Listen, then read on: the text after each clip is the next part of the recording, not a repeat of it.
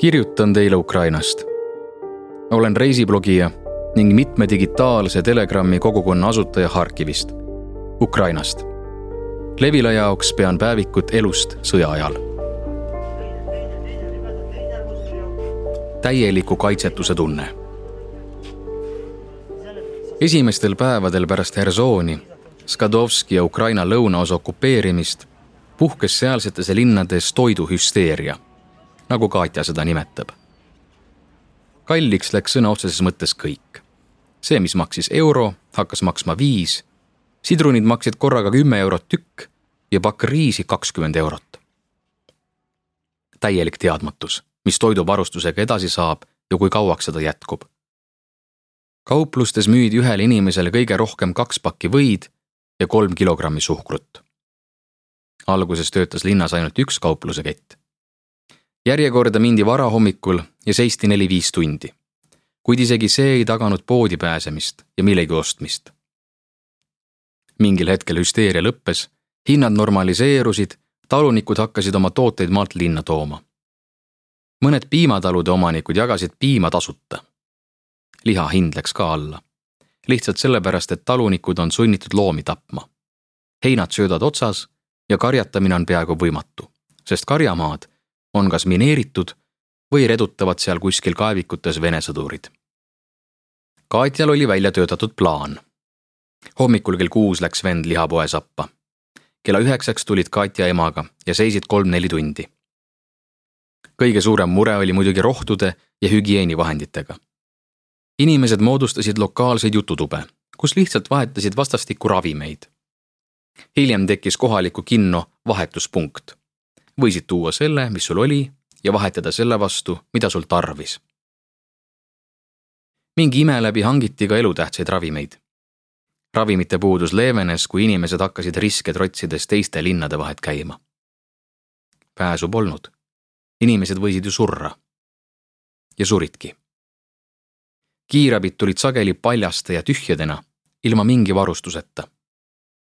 nüüd on olukord pisut paranenud vabatahtlikel on õnnestunud varustada haiglad kõige hädapärasemaga.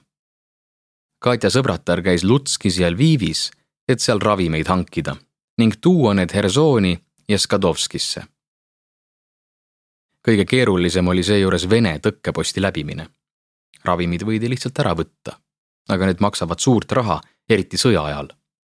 kui ravimid tõkkepostil konfiskeeritakse, nagu on paljudega juhtunud, siis jääb inimene ilma nii ravimitest kui ka rahast aga sageli oli see viimane raha, sest tööd pole. mõned Katja tuttavad käisid Krimmis luurel, kuid seal ei tahtnud keegi ravimeid suure partiina müüa. pakuti tarnelepingu sõlmimist. arusaadavalt ei ole keegi sellega nõus, sest see oleks reetmine.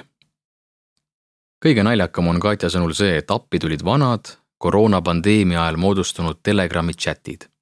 seal müüakse kõike alates laste jalanõudest ja transistoritest kuni külmikute ja mopeedideni. mingil hetkel tekkis linnas kanamunade defitsiit. munade hind sööstis taevasse. jututubades vahetati mune teiste toiduainete vastu. viis muna soola kilo vastu või viisteist muna suhkru kilo vastu ning pooleliitrine õllepudel võrdus kümne munaga. naturaalmajandus toimib jututubades tänini Katja jaoks on kõige valusam osta Venemaa kaupu. hiljuti nuttis ta vorsti pärast. Nad olid emaga salati jaoks vorsti ostnud ja pärast kodus vaadanud, et see on Venemaal valmistatud.